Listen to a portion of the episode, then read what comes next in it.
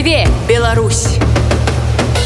Беларусь застаецца апошняй у Еўропе і цэнтральнай Азіі. Краіна якая прымяняе смяротнае пакаранне. Пры гэтым як вынікае з апошняга даклада міжнароднай праваабарончай арганізацыі Amnesty International дакладна невядома колькі менавіта чалавек было расстраляна у засценках сеза нумар один на валадарцы за апошні год.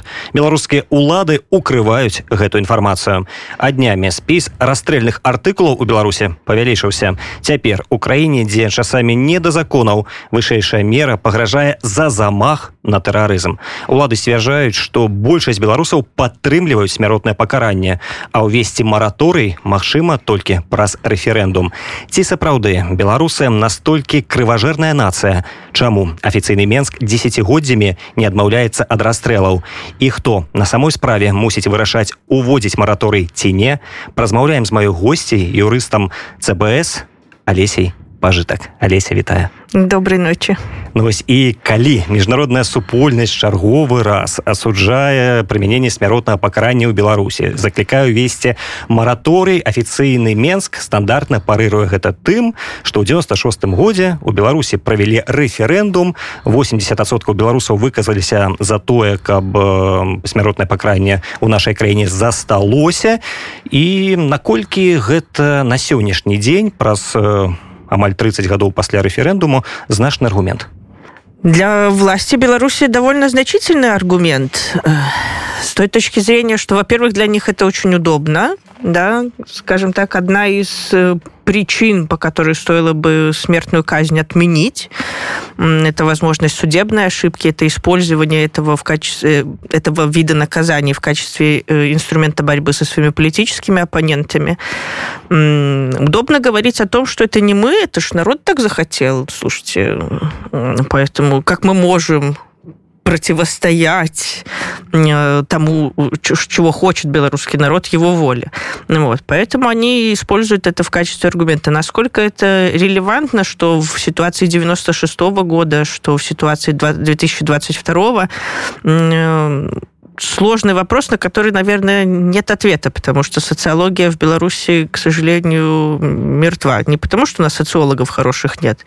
Один Андрей Вардаматский чего стоит. А проблема заключается в том, что государство не заинтересовано в социологических исследованиях на эту тему, да и вообще ни на какую по большому счету. Вот. Поэтому на данный момент общество всколыхнулось, Э, Оговорка про 20 год. Да, да, да. Мы говорим... Общество всколыхнулось э, про, про 20 год, да. Э, основная, скажем так, э, основные события происходили тогда. Я имела в виду больше, что всех взволновала эта новость, да, о том, что смертная казнь может угрожать даже в случае попытки совершения акта терроризма.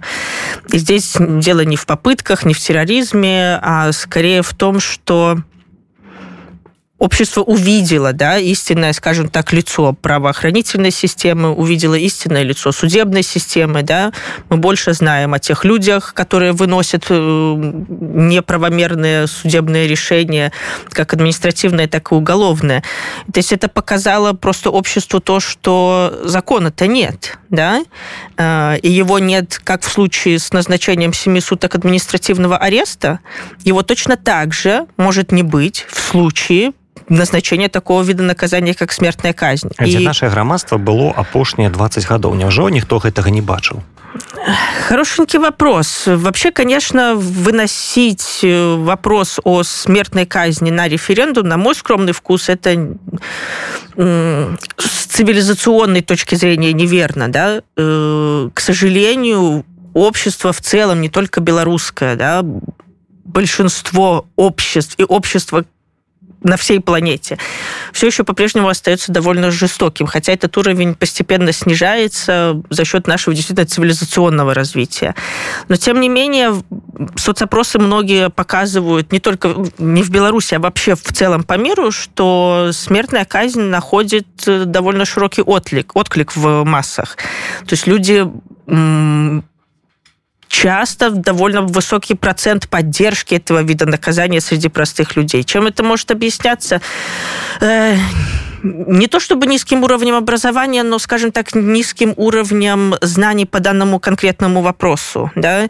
Человек, когда задумывается над тем, как на него ответить, он всегда это перекладывает на себя. Так уж он устроен, да? что мы все оцениваем через призму собственной субъективности.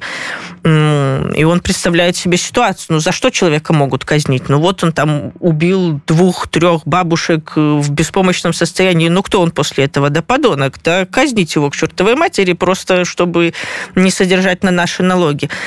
Но принцип Путалеона много тысяч лет на самом-то деле, а мы уже цивилизационно продвинулись гораздо дальше. Поэтому э, подобный вопрос должен решаться компетентными э, государственными деятелями, в том числе юристами, то есть органы типа Конституционного суда.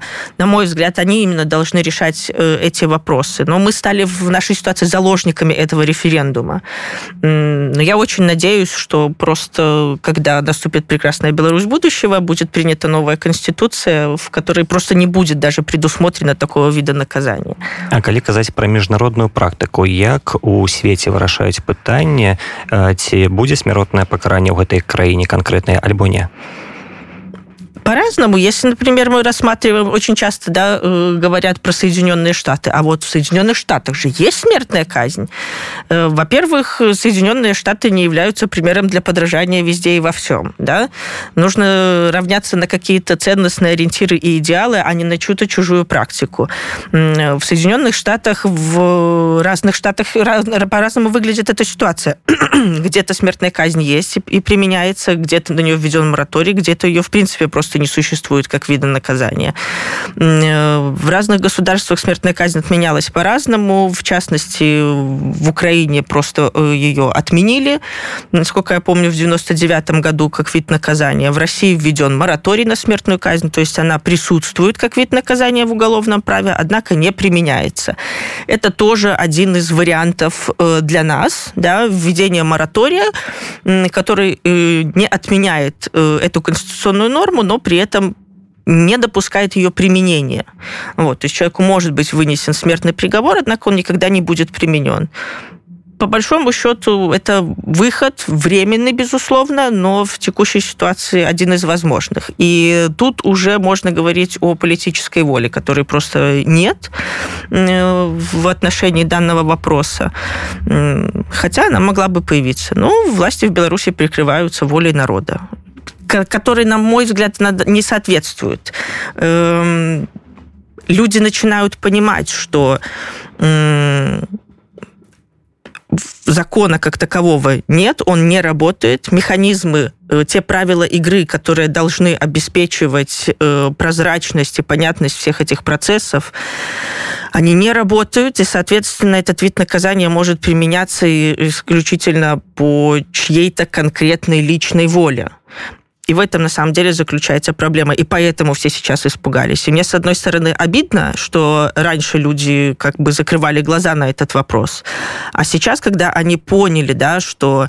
Ну, вообще, ситуация в 2020 году показала, что э, власть преследует не только так называемых змагаров, что им на вас, на всех абсолютно наплевать, да, что вы для них все одинаковые, если вы э, хоть как-то, хоть в какой-то мере им противостоите. И поэтому они и смертную казнь стали на себя перекладывать, потому что они увидели, что э, какими абсурдными могут быть обвинения в суде, да, когда Маша Колесникова просто чуть ли не ангел воплоти, да, светлая пятно огромное, прекрасное во всей этой истории, а ей шьют какие-то абсолютно безумные, сумасшедшие обвинения. И мы понимаем степень этого абсурда, но это происходит здесь и сейчас. И поэтому мы понимаем, что э, и этот абсурд тоже возможен. Применение смертной казни заведомо невиновному человеку. А вот это замах на терроризм. Это такое белорусское вынаходничество, ноу-хау, ці такі артыкул існуе і ў сусветнай практыцы?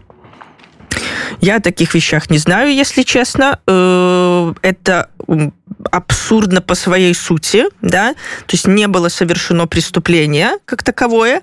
Э, попытка совершения преступления безусловно, тоже подлежит э, наказанию э, с точки зрения уголовного права, но нет тех последствий, э, за которые смертная казнь могла бы применяться, или высшая мера наказания. Да? В других странах это может быть пожизненное заключение и так далее.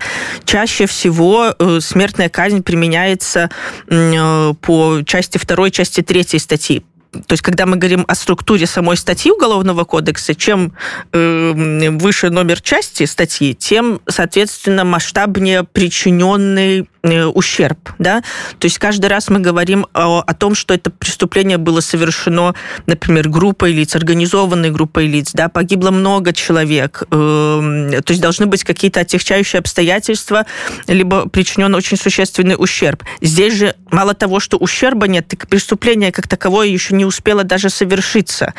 И получается, что смертная казнь возможна за даже, то есть нет даже диспозиции первой части этой статьи, да, за которую смертная казнь не предусмотрена, а мы уже говорим о применении просто за попытку да, э, совершения преступления, которое было пресечено. Например, э, очень э, видно, о чем я говорю, если посмотреть на статью 139 Уголовного кодекса Республики Беларусь, что убийство, да, э, смертная казнь предусмотрена у нас за, за убийство, но по части второй, и там целый перечень, 16 пунктов отягчающих обстоятельств, да, то есть даже за простое, ну так, конечно, с человеческой точки зрения э, некрасиво говорить простое убийство, нет простых убийств, каждая жизнь священна, э, но тем не менее, отягчающие обстоятельства э, нас приводят к применению высшей меры наказания, а здесь я же говорю, даже преступление как таковое не успело э, быть совершено. И в этом весь э, абсурд этой ситуации. Ну і тым часам Amnesty International сцвярджаюць, што штогод э, колькасць краін, якія адмаўляюцца ад кары смерці, ну павялічваецца. І сёлета ад вышэйшай меры пакарання, як я ўжо казаў, адмовілася нават у папа новай гвіней і там прэм'ер-міністра краіны э, Джазеп Марапе заявіў наступнае, што згодна з глобальнымі тэндэнцыямі і даследаваннямі вышэйшая мера не з'яўляецца эфектыўным сродкам стрымлівання злачынстваў то бок у папа новой гвінеі сочаць за нейкімі сусветнымі тэндэнцыямі э, назіраюць змяншаецца колькасць злачынства ў ціне а у нас не могуць Ну, потому что у нас э, смертная казнь применяется э, по совершенно другим причинам. Эм, почему-то, ну, опять же, э, когда мы говорим о том, что в, как, в той или иной стране отменили смертную казнь, это им, скажем так, плюсик в их условную карму их цивилизационного развития, да, они пытаются э, и таким в том числе путем, да, э, развить свою страну. То есть это показатель э, развития твоей страны, стремление к демократическим ценностям, да, к э, ценностям э, прав человека. Э, вот о чем здесь идет речь. Наши к этому просто не стремятся. Ну, наши. Режим Лукашенко в Беларуси. Але Они... з іншага боку да гэтага не імкнецца цывілізаваная Япония. Япония для меня это просто отдельная планета. Э, там все очень сложно, как, в общем-то, и вся структура формирования государственной власти и взаимоотношений в Средней Азии. Что странно, что там нет смерти, не применяется смертная казнь, да, потому что как раз-таки для этого региона, как мне кажется, это было бы даже характерно, но, но и они молодцы, да, и как это только респект и уважение э, этим странам и этим властям, несмотря на все остальные преступления, которые они совершают в отношении собственных граждан, что тоже не новость. Но даже здесь они действительно пошли выше и дальше, чем э, режим Лукашенко. Ну, у Лукашенко и его приспешников э, видно было по 2020 году, да, э, они все решают с помощью силы. И эти вопросы в том числе для них нормально, наверное, в их системе ценностей решать с помощью силы. Ну вот. Но по большому счету, э, почему общество должно было бы э, противостоять этому и все-таки в большей мере выступать за отмену смертной казни, для меня это было, скажем так, еще в подростковом возрасте таким открытием, да, это что получается? От моего имени совершают убийство узаконенное. То есть мы ложимся спать, мы сним сладкие сны, у нас все хорошо, мы спим в теплой постельке, а где-то от нашего имени убивают человека это настолько негуманно, это настолько не укладывается в голове в 21 веке. Я не совсем понимаю, как мы до сих пор с этим живем и почему этот вопрос не стоит остро а должен. Несмотря на то, что многие могут сказать, да ладно, количество э, исполняемых смертных приговоров снижается с каждым годом, но опять же, эти данные не совсем точные, да, правозащитники не имеют доступа к э, той информации, сколько было вынесено смертных приговоров, а сколько было приведено в исполнение. Вся эта информация засекречена. А Чаще... А чему? А почему, спрашивается в свидетельстве о смерти, причина смерти прочерк? Это э, еще одна большая загадка. Они э, покрывают собственное преступление это никто не должен знать, э, вся эта информация тщательно скрывается, никто не знает. Ну, то есть, вплоть до того, что э, неизвестно, кого они там расстреливают, как расстреливают, да, э, что происходит дальше с этими людьми. Мы ничего об этом не знаем. Это в том числе серьезная пытка в отношении родственников, да, как бы там ни было, какими бы страшными преступниками не были эти люди, они все равно остаются людьми, чьими-то сыновьями, чьими-то отцами, чьими-то мужьями, э, и несмотря ни на что остаются важными в жизни других людей. И родственники подвергаются пытке, потому что тело никому не выдается. Они не знают, где этот человек похоронен. Я же говорю еще раз, в свидетельстве о смерти причина стоит прочерк. Они не знают об этом человеке ничего. Они не знают никогда его застрелили, ни в каких условиях это произошло. То есть это э, страшно само по себе. Это как какое-то средневековье. Как в отношении этого человека, так и в отношении его семьи и в целом для общества. Ну вось і калі казаць пра колькасць людзей якіх расстралялі ў беларусі то паводле падлікаў праабаронцаў гаворка ідзе за гады незалежнасці про 400 асоб. Да, около 400 наколькі гэта блізкія да рэальнасці лічбы Сложно сказать. Э, это, еще раз говорю, что правозащитники узнают об этом э, от э, родственников тех лиц, которые были подвергнуты такому виду наказания. Другой информации никто никогда не предоставлял, и вряд ли при существующем режиме это будет информация предоставляться. То есть я не исключаю, что ну, это те случаи, о которых мы знаем, плюс случаи, о которых мы не знаем. То есть мы можем говорить о том, что это более 400 человек человек, которых государство убило. Но есть такое понятие, так, ну да, в принципе, понятие называется культура смяротнага пакарання.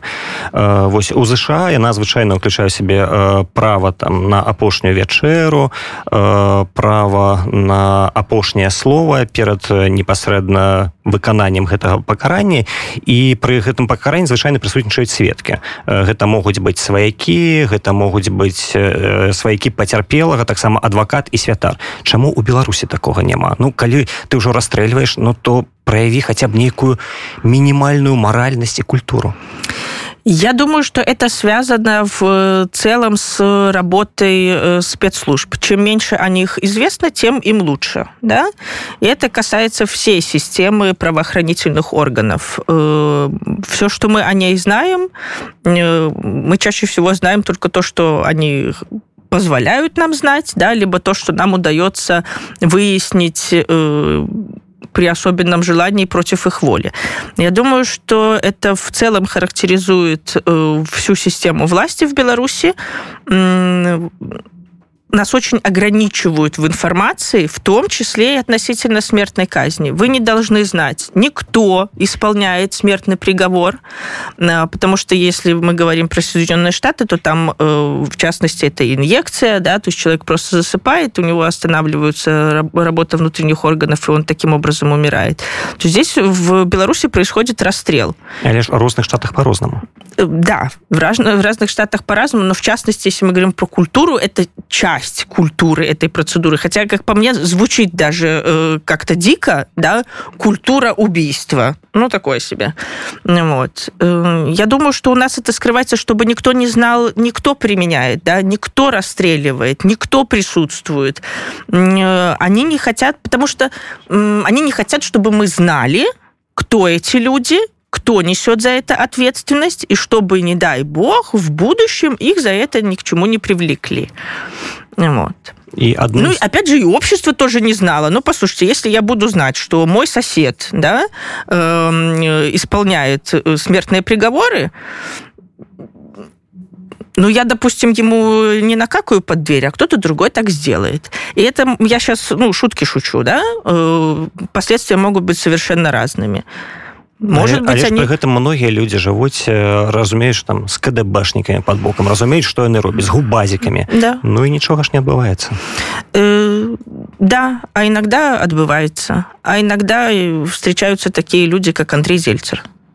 Понимаете? И от этого никто не застрахован. А они себя страхуют таким образом. Я имею в виду власти в Беларуси. Не нужно вам этого знать вот и все. Для того, чтобы э, защитить свою приватность, свою безопасность, эта информация не пускается в общий оборот. Можно сказать, что они боятся? Да, конечно. Конечно. В любом случае, как бы это не было узаконено, факт убийства одного человека другим, это в целом, ну, согласитесь, противоестественно. Да? Вряд ли это кто-то поддержит. Эм, даже если это не касается его лично. Ну, вот, допустим, я живу на одной лестничной клетке с э, палачом. Меня это лично не коснулось, я могу относиться к нему по-разному. А если он был палачом в ситуации, убил чьего-то сына, чьего-то мужа. У этих людей могут быть к нему совершенно другие чувства. Зачем им вообще даже задумываться о том, что могут возникать подобные ситуации? Ну и в целом оборот э, вот этого оружия, да, с которым применяется смертная казнь, весь этот учет, все эти лица, это все строго засекреченная информация. Она не должна быть известна обществу, чтобы чего-нибудь не вышло. Но если при этом беларускае грамадства якое лічыць себе э, такой хрысціянскай накіраванасці большасць людзей прызнаюць сябе праваслаўнымі каталікамі але ну у хрысціянскай же маралі заўжды было гэта не забій. І притым як это спалучаецца? Большасць беларусаў падтрымлівае смяротнае пакаранне пры гэтым з'яўляецца хрысціянамі якія не павінны падтрымліваць забойства. Ну вот это, это такой аксюмарон так люди с этим и живут. Ну, потому что в большинстве своем это их не касается. Люди в своей повседневной жизни об этом не задумываются. Это, во-первых. Многие оправдывают это все тем, что ну, он же страшный, ужасный преступник, он совершил такой чудовищный поступок. Но проблема заключается в том, что, применяя к нему смертную казнь, вы по большому счету делаете то же самое. Да? И все это превращается в замкнутый круг он убил, его убили. Убил кто-то следующий, его снова убили. Это бесконечный круг убийства и насилия. И я думаю, что э, в прекрасной Беларуси будущего люди задумаются над э, вот этими действительно цивилизационными моментами, ценностными да, для, для нас, как для общества, как для государства, и все-таки откажутся от этого вида наказания, просто потому что уже будут осознавать, э, что ошибки возможны, что злоупотребление возможно. Вот. И для того, чтобы э, оградить себя и будущее поколение от э, таких возможных злоупотреблений, они просто от этого откажутся. Хотя бы и по этой причине, да, а не по той причине, что они действительно не поддерживают этот вид наказания. Потому что, как мы видим э, по нынешней ситуации в Беларуси, жертвой правоохранителя может стать любой абсолютно любой. И если раньше, э, еще, условно говоря, пять лет назад уголовное дело за комментарий в интернете это просто звучало как что-то из космоса, то сегодня это наша реальность. И если сегодня они вводят э, э, смертную казнь за попытку совершения преступления, пусть даже страшного такого, как, как терроризма, мы же понимаем, что под этот акт терроризма может быть прописано все, что угодно. Там даже просто может быть э, байка и фантастика. но просто человек будет настолько неугоден власти, что вот они захотят... Ну, плюс это еще элемент устрашения, да, для тех, кто э, участвует в оппозиционном движении, для особенно, что касаемо сейчас участников антивоенного движения, да, во многом, мне кажется, что это связано с э, войной в Украине, что они ввели такую меру наказания. Вот, потому что все эти то, что они называют диверсиями там на железной дороге и в разных других областях, это их страшно пугает. И они пытаются напугать общество в ответ что, мол, ребята, мы с вами не то что разговаривать не будем, да, вы не отделаетесь даже тюремным сроком. Бойтесь настолько. Хотя, как показывает, э, показывают различные исследования, смертная казнь не является устрашающим элементом. Это не работает таким образом. Да? Ну, вы, краіну, не, не влияет на причины преступления. Так? Абсолютно, абсолютно. А калі казаць про аргументы тых хто выступае супраць смяротнага пакарання таким галоўным аргументам з'яўляецца э, верагоднасць памылки судебнай да. ці ёсць нейкая статыстыка наколькі часто допускаюць гэтыя памылки наверное есть Однако я этих цифр вам сейчас не представлю, к сожалению. Но это довольно часто случается это было еще и... Э, ну, это статистики как таковой э, я не приведу, но случаи известные, даже э, о которых писали и в книгах, и снимали в документальных фильмах, этого просто масса, еще тянется это с советских времен. Вот. Ошибки происходят. Это нормально совершить ошибку, ненормально применять смертную казнь. Это та ошибка, которую исправить потом будет невозможно. Но у всех Шикатило, коли там расстреляли несколько Конечно, человек. конечно. Это вот а, а, а, одно из э, таких очень показательных резонансных было дел, да, э, что действительно, по-моему, двух человек казнили, пока не нашли э, истинного преступника. И это уже не исправить. Плюс это на самом деле, если уж углубляться в то, зачем это нужно с точки зрения теории э, наказаний, многие говорят о том, что э, вот э, они такие страшные преступники, и поэтому их э, нужно э, казнить. Но послушайте, когда мы говорим про пенитенциарную систему, ее основной целью является э, исправление и ресоциализация. А тут-то что исправлять? Ломать не строить. Убить Э, не знаю, насколько это просто для другого человека, но это по большому счету дело одной секунды. Восстановить справедливость в данном случае потом не будет никакой возможности.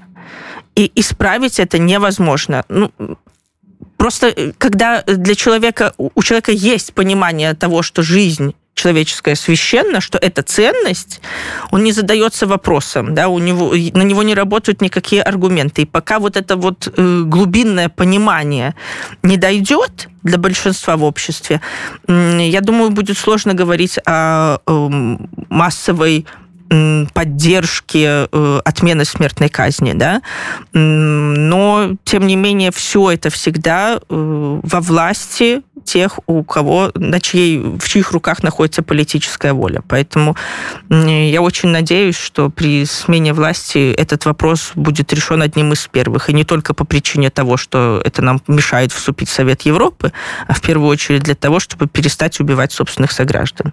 А ці ёсць у сусветнай супольнасці нейкія рычагі каб паўплываць на краіны у якіх все ж таки засталася гэтая мера смяротнага пакарання частности, один из них это вот непринятие их в те или иные международные структуры, да? Э, непринятие э, стран, в которых такая, э, так, такой вид наказания применяется. То есть таким образом они не могут участвовать в программах в рамках этих организаций, не могут развивать те или иные отрасли, да, в рамках которых эти организации действуют. То есть это негативно сказывается на общем развитии развитии да, страны в целом. То есть как еще они могут повлиять? Невозможно заставить, конечно же, ну вот, но не принимать в свою группу цивилизованных стран, это они могут. Ну, собственно говоря, это единственный на данный момент механизм. Ну вот. Если страна берет на себя определенные обязательства при вступлении в ту или иную организацию или при подписании того или иного международного договора, они должны тогда понимать, да, то есть они имеют какие-то плюсы с этого, но они имеют с этого какие-то обязательства. Поэтому, если вы хотите получить эти плюсы, пожалуйста, возьмите на себя такое обязательство. К сожалению, это, наверное, все, что может сделать международное сообщество в этом плане. Алеся, дзякуй табе вялікі за гэтую размову. Я нагадаю нашим слухачам, што госцей радыё УНЭТ была юрыст цэнтра беларускай салідарнасці Алеся Пажытак. Дзякуй яшчэ раз. Дзякуй.